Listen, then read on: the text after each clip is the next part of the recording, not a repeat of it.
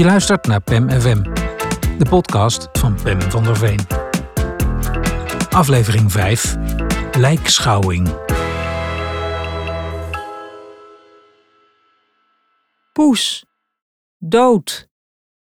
Als ik thuis kom, staat onze Oekraïense schoonmaakster mij op te wachten met het nieuws. Onze bijna 17 jaar oude kat Potje heeft zojuist het loodje gelegd. Ze ligt ontzield onder de kerstboom. Ik dacht slapen, zegt de schoonmaakster verontschuldigend.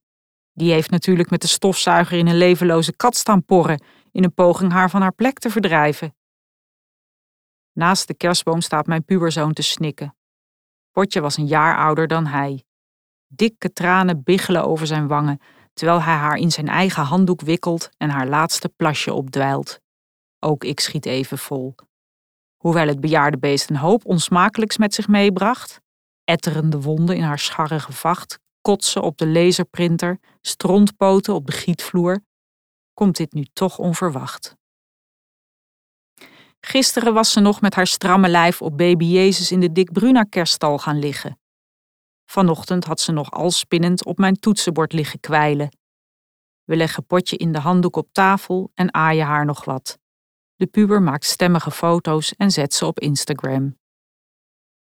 Dan komt de kleuterdochter thuis. Ik heb niet zulk goed nieuws, lieverd, zeg ik. Maar het dode huisdier blijkt vooral fascinerend. Al snel wordt het buurmeisje bij de lijkschouwing gehaald. Je kunt er ook opzetten, zegt hij, na een lange pijnzende blik. Maar eerst is het tijd voor een postuum poesenportret. Waar zijn de kleurpotloden? De puber kijkt nog maar eens op Instagram. Wauw, roept hij verheugd, al 30 likes op mijn foto.